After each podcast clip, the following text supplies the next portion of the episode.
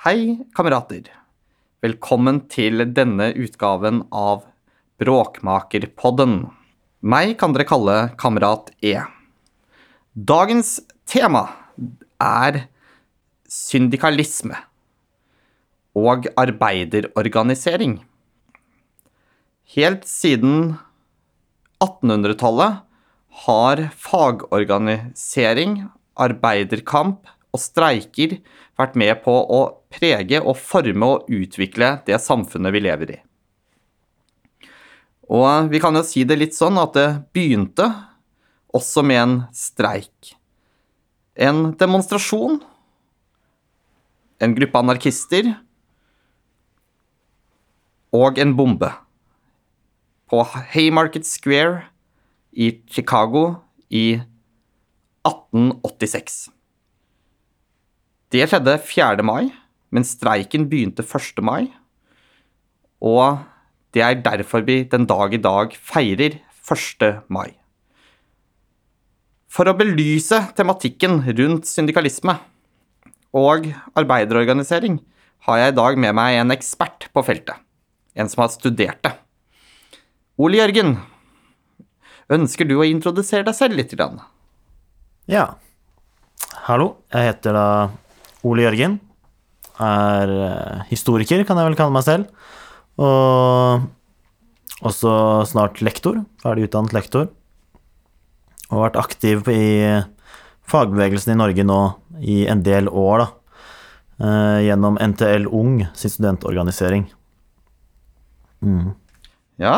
Eh, først så kan jeg jo bare stille spørsmål for dem som kanskje ikke vet det, da, men NTL, det er jo Norsk tjenestemannslag.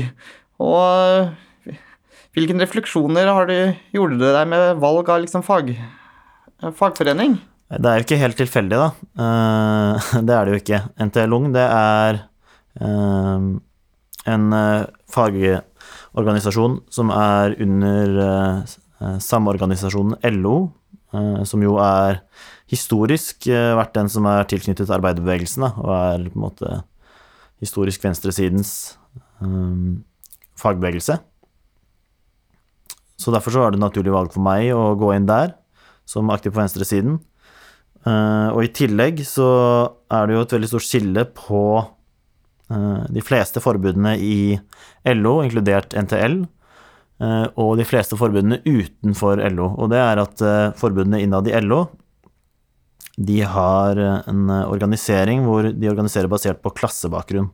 Så det vil si at for å bli medlem så bestemmes det ut fra hvem som er arbeidsgiveren din. Så man ser på hvem er arbeidsgiver, og så er det alle som er ansatt under den arbeidsgiveren, eh, organiserer, organiserer, seg sammen, da. Eh, I motsetning til det som er profesjonsforbund, kanskje kan vi kalle det, hvor man går sammen basert på enten utdanning eller ja, fag, da. Eh, så et NTL de organiserer jo eh, på universitetet så på universitetet så organiserer vi alle som jobber i kantina, er driftansvarlige og professorer, og de står jo likt hos oss, sammen med studenter. Og det er jo et ganske stort skille fra f.eks. For Forskerforbundet, da, som ikke er et LO-forbund, men som kunne organisere vitenskapelige ansatte, og ikke de i kantina eller vaktmesteren.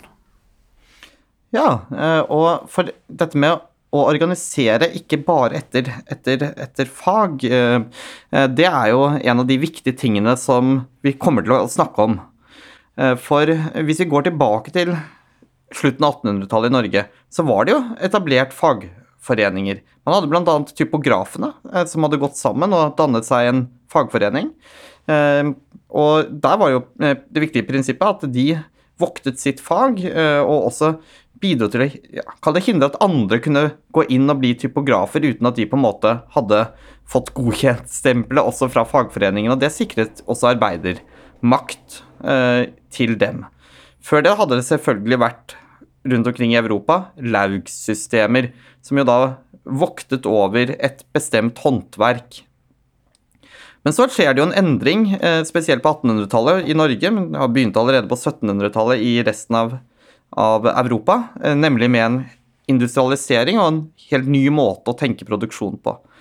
Og i den eh, anledning så vokser det fram en ny klasse med arbeidere som i større grad er ikke definert av sitt fag, eller at de har et spesielt håndverk, men at de selger sin arbeidskraft til arbeidsgiver.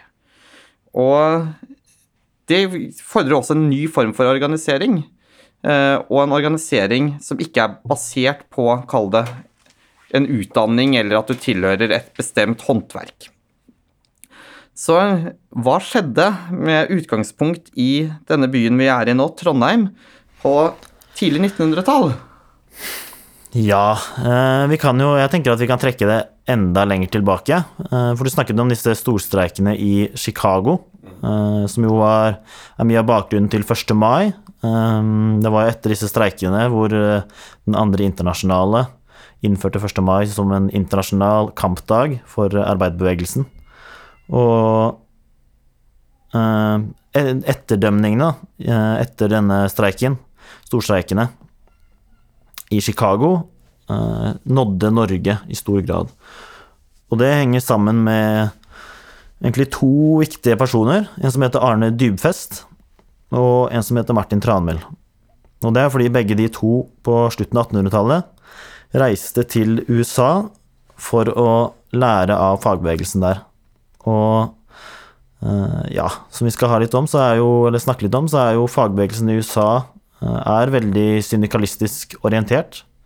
Eh, og blir det. Og dermed så blir det også en inspirasjon, inspirasjonskilde for Arne Dybfest og Martin Tranmæl. Eh, og Martin Tranmæl han er jo en malersønn fra Melhus, som etter hvert også reiser hjem til Norge og blir i mellomkrigstiden kanskje den mektigste personen i den norske arbeiderbevegelsen, så han blir jo en veldig viktig person sånn hvis man skal se på hva som skjedde etter hvert. Um, og han var helt klart veldig inspirert av uh, den måten å organisere, fagorganisere seg på, da, som syndikalismen sto for. Uh, at man baserte organiseringen på klasse, ikke fag. Og også veldig mye av strategien da, rundt det. Uh, at man var Man drev med direkte aksjoner. Man ville drive med sympatistreiker, var veldig viktig på den tiden her. Og i dette så er det også en viktig ting som syndikalismen har vært veldig opptatt av, og det er at man skal ha en lokal samorganisering.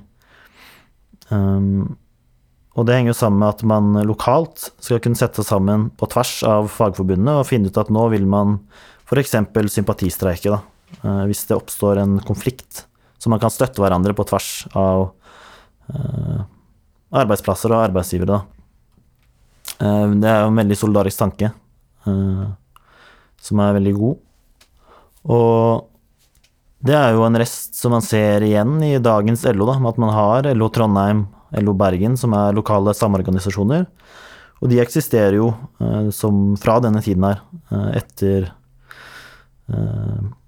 Ja, nå hopper vi jo litt fram, men etter disse ideene da, fikk fotfeste i Norge i, på starten av 1900-tallet. For eh, ja, det er jo noen sånne viktige eh, milepæler. Man får jo eh, opprettelsen av et bestemt fagforbund, nemlig Norsk Arbeidsmannsforbund. I dag organiserer de jo folk innen enkelte deler av industrien fortsatt. Men de organiserer jo også f.eks. vektere. De organiserer mange ulike grupper i samfunnet vårt i dag.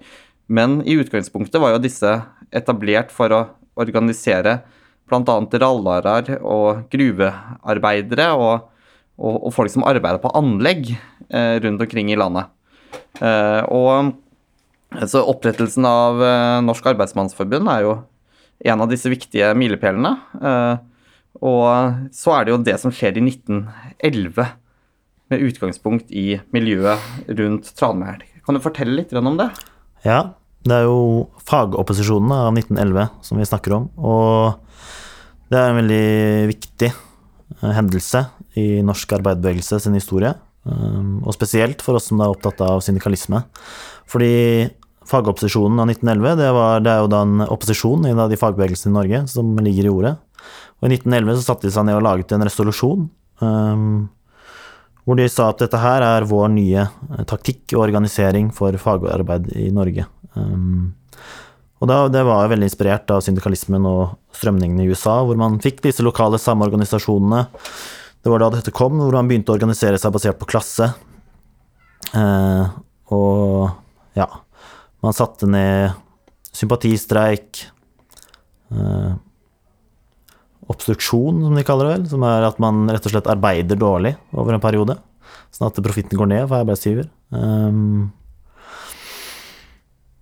Boikott og noen virkemidler til, da, som var eh, litt mer uh, både lokale og uh, orientert rundt direkte aksjoner. Da. En, en, organisering som kanskje tidligere har vært litt mer toppstyrt, og som handlet om at en ledelse kanskje var mer interessert i å finne kompromisser da, med klassefienden, som vi kanskje kan kalle den her, på Bråkemakerpodden. Um, Klassefiende er et, er et, fint begrep å ha med inn her. Det, det, det, det liker vi. Liker vel også obstruksjon. Det er jo, en, det er jo sånn, et verktøy som jo har på et eller annet vis blitt litt, litt, borte, men vi kommer jo tilbake til hvordan ting har utviklet seg etter hvert. Eh, hva skjer etter denne fagopposisjonen og, og 1911? Ja, det som skjer etter, da, du har den, disse syndikalistiske retningene i eh, LO, um, som får veldig mye befestning i Trøndelag spesielt, og veldig, veldig mange bygder i Nord-Norge. Um, Nordland spesielt. Uh, og også etter hvert også sprer seg til Vestlandet, da. I motsetning til i Oslo, hvor man tenker på litt mer sosialdemokratisk måte, kan man kanskje si. Så, Oslo er her da i dette tilfellet det sosialdemokratiske problemet, på en måte, og, og, det, og det, er en stor forskjell da mellom hvordan man tenker lokal samorganisering i, i, i spesielt Trondheim, men som da også sprer seg langs kysten, og, men også, så vidt jeg har en viss forståelse for, til lokale gruvesamfunn rundt omkring i, i mm. Innlandet og rundt i Trøndelag og Nord-Norge osv. Eh, da til industribygdene som vokser fram på Vestlandet. Ja, og det er jo flere Nå tar vi det grundig her, men det er jo flere ting på det. Det er jo også disse rallerne som du prater om, som bygde så mye jernbane i Norge, gruvesamfunn. Og mange av disse rallerne var også mange Det var en storstreik i Sverige i 1909 Eh, og da var det veldig mange syndikalister som ble svartelista eh, av fagbevegelsen der, og da stakk de til Norge og ble raller i Norge. Så det er også mange av de som var liksom mye av påvirkningen inn der, da. For hadde, i Sverige så hadde du også eller hadde du kanskje enda sterkere syndikalistiske bevegelser enn du hadde i Norge. Um, og så det som er spesielt med Norge, da, som er liksom unntaket i Norge sammenlignet med arbeiderbevegelsen i nesten alle andre steder i Europa, eller Vest-Europa i hvert fall, er at uh, under første verdenskrig og frem mot uh, når russisk revolusjonen kommer i 1917, så blir jo den fordømt av så å si alle de største, alle de største partiene da, rundt omkring uh, i Vest-Europa. Mens i det norske Arbeiderpartiet så er de liksom lunkne først, men så i 1918 så får du en veldig vending, da, hvor disse tidligere lederne fra Eh, mange av, de, av, mange av de fra Oslo. Etter hvert så blir mange også fra Oslo venner med Tranmæl og syndikalistene. Um, blir liksom avsatt til fordel for denne syndikalistiske eh, bevegelsen, sammen med eh, Som går inn i en slags allianse da, med veldig mange i det sosialdemokratiske ungdomsforbundet på den tiden her, som var veldig eh, begeistret for Lenin og hans tanker. Så hadde en slags sånn uh, Eh, ja, samarbeid mellom de, som førte til at du fikk en slags ny ledelse i den norske arbeiderbevegelsen i 1917. Eh, uten splittelse, da. Partisplittelse. Så fram til 1921 så er jo det norske partiet ett parti, og det er veldig unikt. Og de går jo også inn i Komintern, som jo er på en måte sammen med Italia det eneste stedet i Vest-Europa hvor ett samlet parti går inn i Komintern.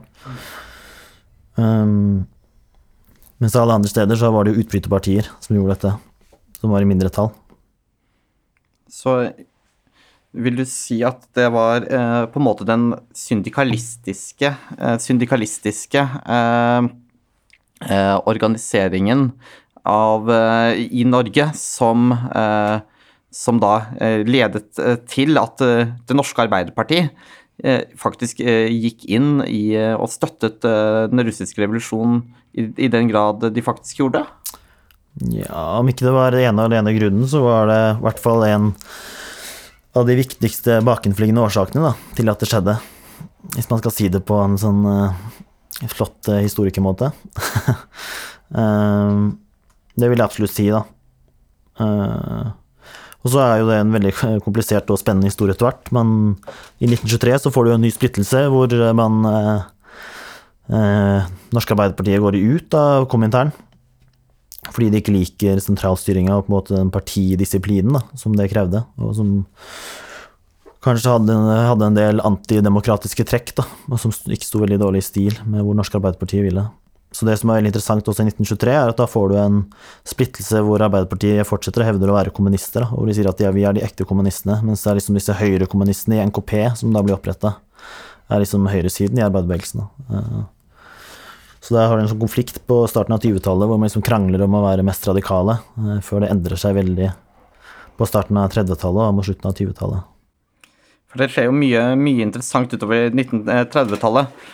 Eh, men en av de tingene som vi, eh, som vi kan snakke litt mer om, for du nevner dette med splittelser, men det er jo ikke bare partier hvor det har vært splittelser.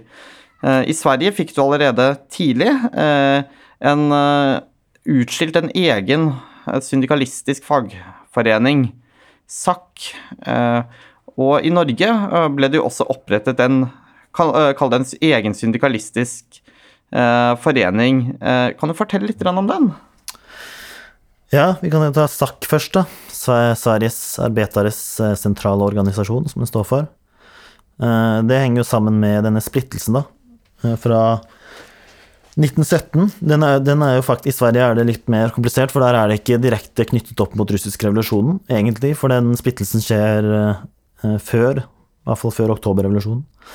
Eh, så den begynner mer ut i at man hadde en del storstreiker og opprettelse av diverse arbeiderråd i Sverige under første verdenskrig, som mange ikke likte så godt, da, i, i det etablerte miljøet, for å si det på den måten, i svenske LO, da.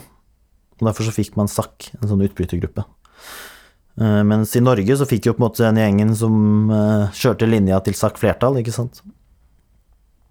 Uh, og det fører jo til at man har en del Det, det går igjen helt i dag, ikke sant. Sånn som disse lokale samorganisasjonene. Da. Det er jo noe man ikke tenker noe spesielt over her i Norge, men det er veldig sånn særegent. Og spesielt med fagbevegelsen i Norge, for det har man jo ikke i Sverige. Uh, og Det går jo tilbake til dette her, at man fikk flertall i Norge. Mens i Sverige så har de vært en egen selvstendig organisasjon, og det er det jo fortsatt i dag. Med tror de er rundt 3000 medlemmer eller noe sånt rundt der. Det var noe sånn sist jeg sjekket på nettsidene ja. deres. Eh, det er for øvrig interessant, det kan jo bare nevnes nå, da, at eh, vanligvis i f.eks. i LO, eh, eller, eller andre fagorganisasjoner, så er det jo stort sett de som er Eh, arbeidere, de som mottar lønn, eh, og eventuelt de som har mottatt lønn gjennom et langt yrkesaktivt liv, og som da nå er pensjonister, som er medlemmer. Så har man jo etter hvert fått studentmedlemmer eh, også i en del fagforeninger i Norge. Eh, Bl.a. NTL, som har sin egen studentorganisasjon. Men det som er interessant med SAK, er jo at de organiserer Og de er veldig tydelige på at de organiserer arbeidere. De organiserer øh, pensjonister. Øh, andre trygdete, studenter og arbeidsledige. Så de organiserer også langt utover på en måte det vi vanligvis tenker på som, eh, som på en måte arbeidere i så måte. Og også grupper som innimellom da, i dette spillet om kapitalismen, som vi kan kalle det, eh, settes opp mot arbeidernes eh, interesser, og som innimellom også har av deler av venstresiden har også blitt angrepet som et filleproletariat, eller på siden av på en måte det man skal organisere, da. Uh, har du noen refleksjoner rundt, uh, rundt, uh, rundt, rundt, det her, den biten av det? Ja, altså jeg tenker jo at det er en veldig viktig ting, da. For oss som kjemper for en Vi har vel kanskje litt ulig Ja, vi kjemper i hvert fall for en sosialistisk fremtid, kan vi vel si. og hvis man vil, vil det, så tror jeg det er veldig viktig at man klarer å samle seg i fagorganisasjoner hvor man klarer å dysse ned da, de interne klassemotsetningene i kapitalismen.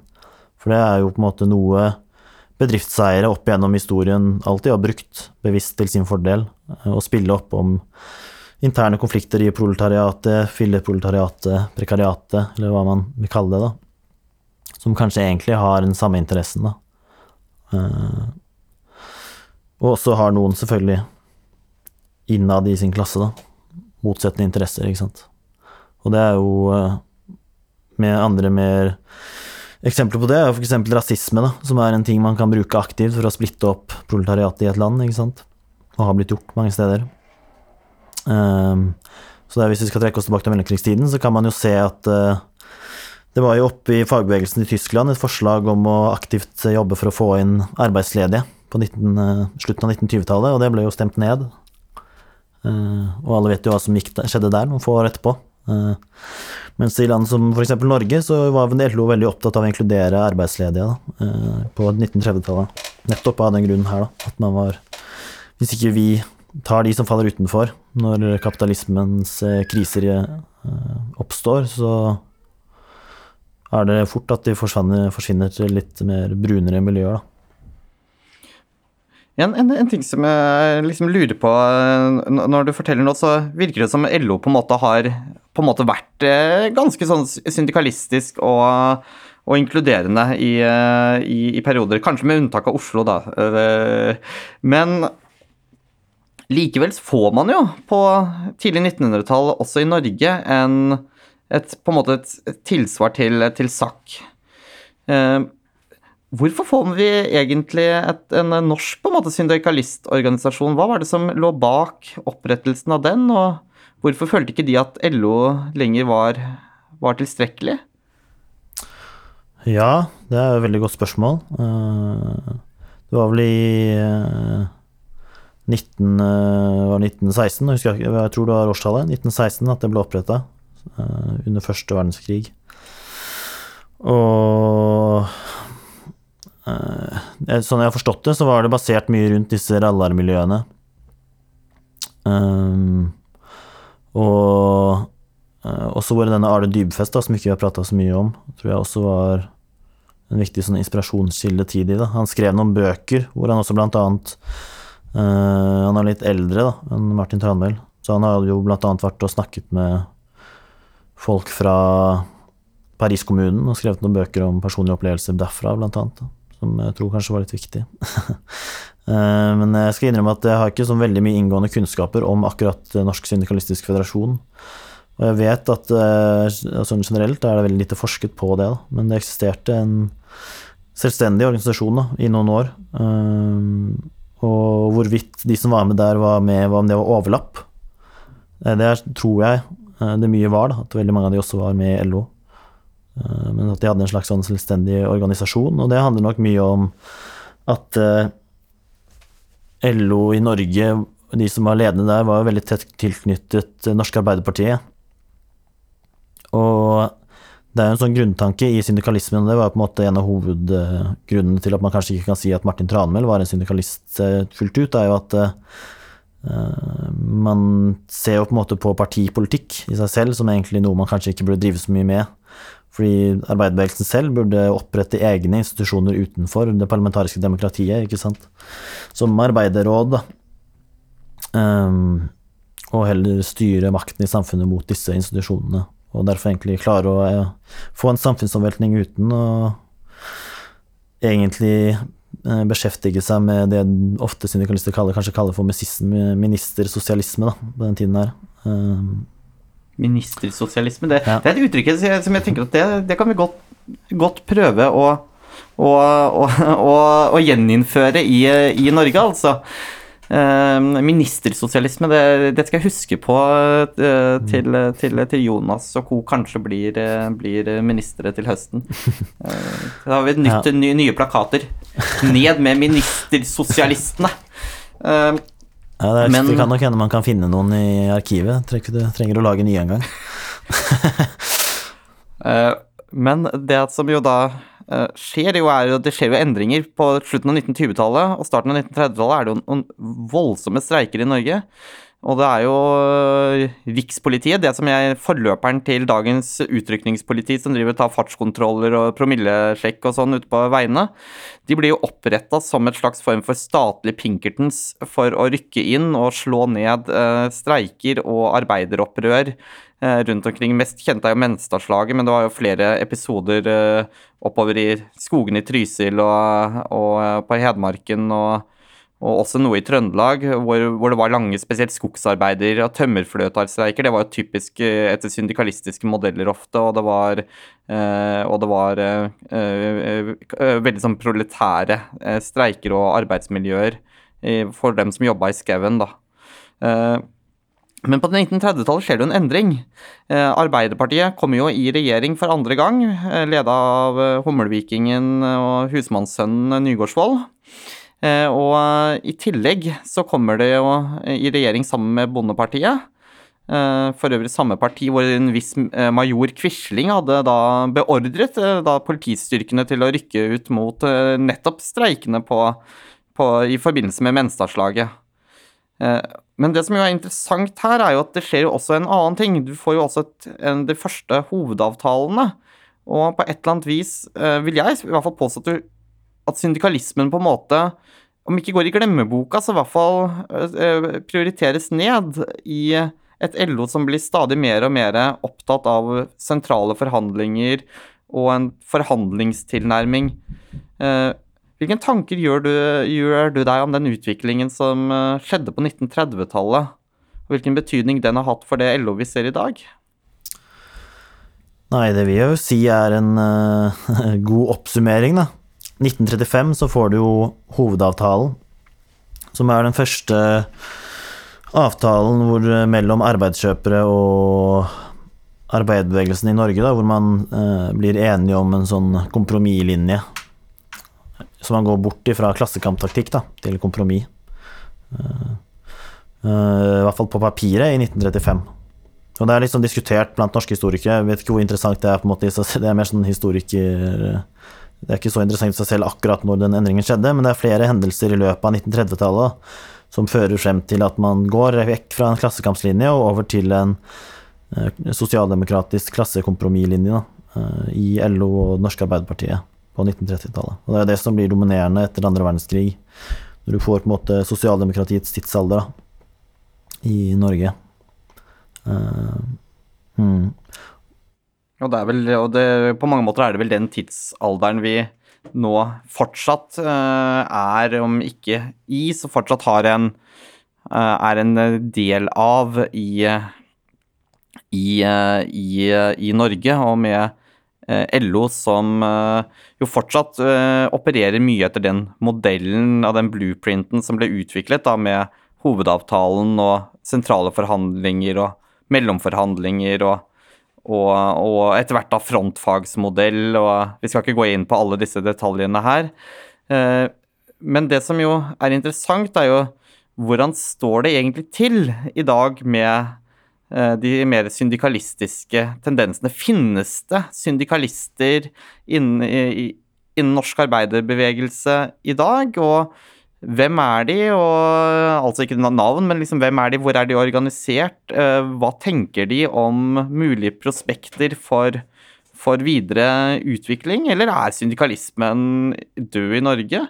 Eller er det rett og slett sånn at det kanskje er dags, da, for å bruke litt svensk uttrykk, for en ny organisering av en ny syndikalistføderasjon eh, på norsk eh, i Norge, eh, for å bygge opp eh, en ny, en ny eh, radikal arbeiderbevegelse. Det er mange punkter, da. Mange punkter. Um, jeg Altså Jeg vil jo ikke si at syndikalismen er død, men den er jo eh, ved nesten veldig lite til stede, da. I uh, Hvis man skal kalle det på en måte en slags folks tanker, da. En slags overbygning av hvordan folk tenker i den norske arbeiderbevegelsen i dag. Mens Sånn jeg ser det, da, og som er grunnen til at jeg har valgt å bruke veldig mye tiden min i LO, er fordi eh, er det at veldig mange av de strukturene som er, kommer liksom fra fagopposisjonen i 1911 og etter de fikk flertall, eh, eksisterer jo fortsatt i det norske LO. Da. Så det jeg tenker er at veldig mye av det organisatoriske rammeverket er jo egentlig på plass. Da. Så det er på en måte en del kamper som man måtte vunnet hvis man skulle radikalisere, eller ikke, det er kanskje et litt sånn sketchy begrep, da, men hvis man skulle få en slags sånn uh, syndikalistisk oppblomstring, i en fagbevegelse i f.eks. innad i LO i Sverige, da, så tror jeg det er veldig mye vanskeligere, fordi da er det masse sånn organisatoriske kamper som er på en måte sånn grunnsteiner i syndikalismen som man først må vinne. Uh, som man på en måte allerede har vunnet i Norge, da. Mens i dag så tenker på en måte, er det på en måte bare utøvelsen av det eksisterer på en måte ikke. Så det er tankene som, eh, og ideologien på en måte som, som her kommer kanskje til kort, da. Uh, og, og, det er jo Man kan jo si at uh, det er en lettere jobb når man når, når det rammeverket i hvert fall potensielt ligger der. Men så er det jo den ideen om at folk må jo se det som en mulig vei også. Og hvert fall det Jeg vet ikke hvor mye du har, har, har, har, lest på det og sett på det, men rundt omkring i verden nå så skjer det jo en del interessante ting som man kan merke seg, og allerede hvis vi går tilbake de siste 20 åra, faktisk lenger enn det òg, men spesielt de siste 20 åra, etter alle de økonomiske krisene i f.eks. Argentina, så har man jo sett arbeiderstyrte bedrifter eh, som eh, driftes på en på en måte ja, bedriftene gikk konk, fabrikkene ble stengt, og så brøt arbeiderne seg inn og rett og slett satte i gang produksjonen igjen. Eh, og myndighetene tillot dette å skje. Eh, så der har man jo faktisk en god del eh, faktisk syndikalistiske drevete arbeiderkollektiver, som faktisk har holdt hjulene i gang i en ellers kriseramma økonomi. Det er eksempler Man kan gå tilbake til tidligere Jugoslavia, hvor vi ser at deler av titoismen sin eh, desentraliseringslinje eh, fortsatt en dag i dag, etter kriger og mye uh, fram og tilbake, uh, fortsatt i enkelte områder har en mer kollektiv stil. Og hvis vi ser på uh, virkelig syndikalist-heartland i, i, deler av Spania, Catalonia, så ser man jo fortsatt at det er, spesielt i mer jordbruksnæringer og næringer knytta opp mot jordbruk, fortsatt syndikalistiske og kollektivistiske drevne eh, drevne f.eks. olivenfarmer og, og vingårder og lignende. Så man ser at det finnes masse eksempler rundt omkring i Europa, Latin-Amerika på organisering i dag, eh, men som kanskje eh, føles fortsatt veldig fremmed for på en måte norske arbeidstakere og, og, og situasjonen i liksom eh, dem som er vant med LO, og, og ha en, kall det en klar motpart, da. Så Eh, det er jo et ledende spørsmål, men bør, eh, eh, bør norske, norske fag... Eller jeg kan stille det opp på den måten her. Hva tror, tror, du at det vil være nyttig for flere norske fagforeningsfolk å, når de drar til utlandet, ikke bare besøke andre, kall det av disse tradisjonelle hovedorganisasjonene, men heller prøve å faktisk oppsøke en del av undergrunnsmiljøene, da? Som er andre steder? Eh, eller er det slik at vi egentlig ikke har så mye å lære fra utlandet? Nei, det er jo et uh, ledende ja-nei-spørsmål, så jeg vil svare et ganske klart og rungende ja, ja på, da, vil jeg kanskje si. Men det er jo ikke bare for å rulle litt av på en liten Rulle litt av her, da. Så har du altså vært aktiv i en kamp som nå pågår i norsk idrett, om boikott av Qatar-VM. Og der er jo LO altså LO har en representant inn i NFF sin, sitt utvalg da, som skal utrede og legge, legge, inn et forslag om hvordan man skal forholde seg til det. Og han, For det første så var han jo ute før utredninga i det hele tatt hadde startet, og var veldig mot boikott. Og for det andre så var han jo eh, mot boikott fordi han hadde vært og besøkt arbeidsgiverne i Qatar. Og det var så flott, uh, flott Han har en liten dialog med arbeidsgiverne, da um, i et land hvor det er ulovlig da, å drive med fagorganisering. Um, så det er jo en lang vei å gå, da. Og det, og det var da LOs representant, liksom? Det er LOs representant, da, i inn inne i det her. Um, men det som kanskje er et sunnhetstegn, er at man har sett en voldsom uh, motstand mot det her nå innad i LO. Det mobiliseres veldig innad i LO, for det er veldig mange som har reagert på det her. Det er ikke bare meg. Så jeg vet at LO Bergen blant annet har jo hatt vedtak på at man skal være for boikott. Og jeg antar at det er litt eh, et resultat av den strategien LO har kjørt med at man kun skal prate med en arbeidsgiver i et land hvor man ikke har lov til å fagorganisere seg i det hele tatt, så er det ja, det er en strategi som eh, i hvert fall ikke har syndikalistiske røtter, da, for å si det på den måten. Um, så uh, man, uh, Først så må man jo kanskje få de til å prate med arbeiderbevegelsen i andre land, og så når man klarer det, så kan man også kanskje prate litt med undergrunnsmiljøer. Men uh, nå så er det jo også noen i LO som faktisk bare prater med arbeidsgiverne, og det er jo et kjempeproblem. Så er det jo det, men eh, dagens LO, vi har jo begge vært litt aktive i, i, i, i fagbevegelsen. Og vi har jo også vært på noen sånne landsmøter og, og, og, og samlinger sammen. og er det også noen sånn litt sånn organisatoriske utfordringer for dem som ønsker et litt mer radikalt uh, LO i dag? Ja, altså Strukturelle uh, utfordringer. Det er litt ledende spørsmål igjen, dette, tror jeg. Men. Det er jo det. Uh, bare for å først si det, nå er, nå er jo på en måte Det er en enorm mulighet, da, for man har jo på en måte disse kongressene, ikke sant, hvor man kan møte opp og fremme sin sak, og hvis man først får et flertall inn der, så får man gjennom det man vil. Um, men det er nok en sånn kultur da, i mye av Det gjelder ikke bare, bare fagbevegelsen, men også kanskje i en del partier, at man har en slags sånn innstillingskultur, som jeg personlig er veldig skeptisk til. Da. At, man, at den enkelte makten sitter mye mer i redaksjonskomiteer som innstiller på forslag, enn den sitter kanskje i salen ofte. Da. Uh, for det er veldig sjeldent at en sal går imot innstillingen fra en redaksjonskomité. Det er veldig sjelden jeg opplever det når jeg er på landsmøter og kongresser da, eh, i den norske arbeiderbevegelsen. Og det måte kan man jo si fra et syndikalistisk eh, punkt, da, så kan man jo være skeptisk til det. For det jo, ja, så kan man jo si at ja, men hvis man får radikale inn i komiteen, da, så kan man utnytte. Men eh, det kan jo ha en del konsekvenser også fra hvordan man tenker, da. Så hvis man kan dra det litt historisk tilbake, så kan vi jo se på denne Tranmæl, som vi har pratet mye om. Og øh, han er det jo også mange som peker på som en person som egentlig også har dolket veldig mye syndikalismen i ryggen, selv om han kanskje er den fremste representanten for det i Norge. Og det henger jo sammen med at etter han først kom i posisjon og ble viktig i Arbeiderpartiet, og etter hvert fikk altså, var redaktør da, i partiavisa, som kanskje var den viktigste posisjonen man kunne ha i arbeiderbevegelsen på den tiden der, så vendte han ryggen da, til veldig mange av disse aktivistene rundt omkring i disse gruvesamfunnene. Eh, er det noen historikere da, som eh, hinter frempå. Og ja, så han var nok ganske pragmatisk orientert, da. Så den pragmatismen kan jo også ha sine problemer. At man kanskje går litt bort fra idealene sine når man først kommer i posisjon. Da. Så derfor så er jeg også litt sånn skeptisk til en taktikk med å bare skulle påvirke redaksjonskomiteer. Eh, for å ha litt sånn dypdykk i organisasjonskultur her, da. Men eh, når du stiller spørsmålet Så jeg syns kanskje det er personlig at det er en litt sånn ukultur, da. Som man kanskje må på sikt da, prøve å røske litt opp i. Men det er veldig vanskelig. Jeg tror, tror det er eh, veldig også nyttig innimellom at man tenker litt sånn på organisering og organisasjonsliv Uh, og hvordan organisasjoner fungerer. For organisasjoners struktur er jo veldig knyttet med maktrelasjoner. Det er også veldig knyttet med hvilken hva man får. Det er litt som hvis man tenker en fabrikk eh, med, med, noen maskiner, så gjør de maskinene noen ting med noe.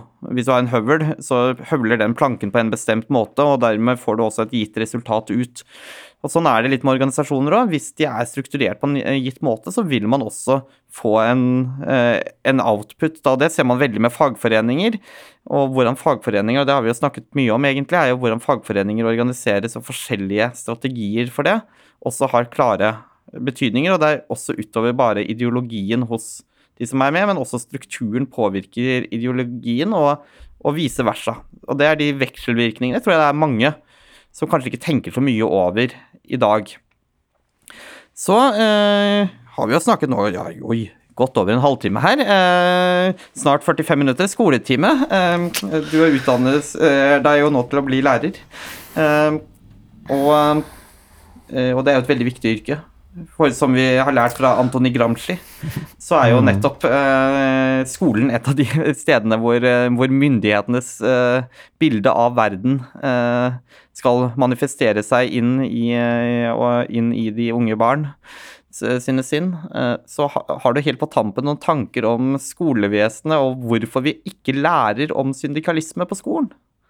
For jeg lærte i hvert fall ikke så mye om syndikalisme, til tross for det at jeg hadde en ganske raddis-lærer på videregående. Så lærte jeg Ja, er aldri om litt syndikalisme. eh, Nå er det jo sånn at hun er jo Du er jo litt eldre enn uh, meg, da. Men uh, i hvert fall jeg er litt som barn av Kunnskapsløftet fra 2006, og da fikk man jo en læreplan i norsk skole, i hvert fall innenfor historie f.eks., med veldig, veldig mange konkrete punkter som man skal igjennom i løpet av et år.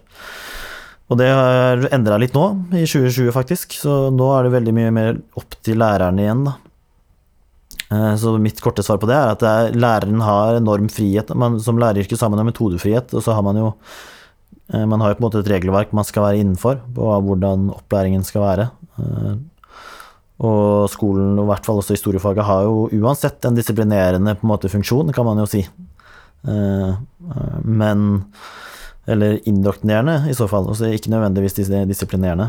Jeg vil heller si indoktrinerende.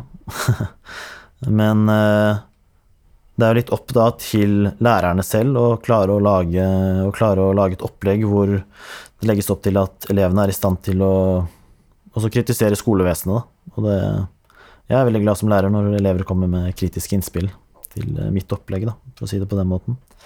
Og sånn skolen er nå, så tror jeg nok hvis man skal ha mer om syndikalismen i skolen, så handler det veldig mye om lærerne. da. Så punkt én er vel egentlig bare å lage et eh, undervisnings fett undervisningsopplegg som legges ut på YouTube, og så putter man det inn i en Facebook-gruppe med masse historielærere, og så plutselig så vil det undervises om syndikalisme etter 1. mai i masse historieklasser i Norge. Jeg tror ikke det er vanskeligere enn det. Det er veldig mange på venstresiden i Norge som har liksom vært veldig opptatt av å få det inn i læreplanen om arbeiderbevegelsens historie, og det er, kan være viktig, det, men eh, jeg tror det er også enda enklere hvis man bare lager et opplegg som er laget av litt eh, ja, folk med litt eh, ja, tilhørighet, eller hva man skal si, til syndikalismen, så tror jeg det fort kan brukes av mange. Så det handler veldig mye om den enkeltes læreres innstilling, sånn jeg ser det. Og det er også derfor jeg tenker at jeg kan trives i det yrket.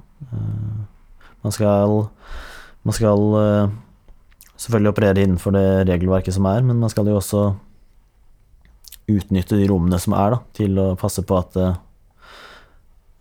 man alltid tjener eh, arbeiderklassen, tenker jeg i hvert fall, da, i sitt yrke. Det er et spørsmål man burde stille seg, hvem man egentlig tjener med det opplegget man lager. Og det har man stor frihet til også å gjøre som lærer, tenker jeg.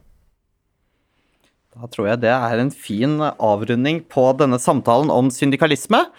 Eh, Bråkmakeren er jo et uh, uavhengig, uh, anarkistisk uh, eh, medieaktivistgruppe. Og vi utgir både avis på papir Vi begynte med papiravis, som alle gode folk i mediebransjen har gjort før oss. eh, og som Tranmæl eh, også sysla med for over 100 år sia. Vi utgir denne podkastserien og også flere andre podkastserier. Vi har nettside. Eh, jeg skal ikke nå lese opp på 90-tallsmåten eh, hele nettadressen, men du finner den hvis du, eh, hvis du søker litt. Med meg i studio, som i dag har vært Ivar Matlaugs bokkafé på Svartlamoen. Eh, bare sånn at dere vet at dette ikke er et proft lydstudio vi har hatt eh, med oss. Eh, eh, så har eh, bak spakene, eller i hvert fall datamaskinen, så har vi vår supre tekniker Felix. Gjest i studio var Ole Jørgen, og meg, meg kan du kalle Kamerat E. God 1. mai, kamerat. Og husk, de var anarkister, de som ble myrdet etter Haymarket.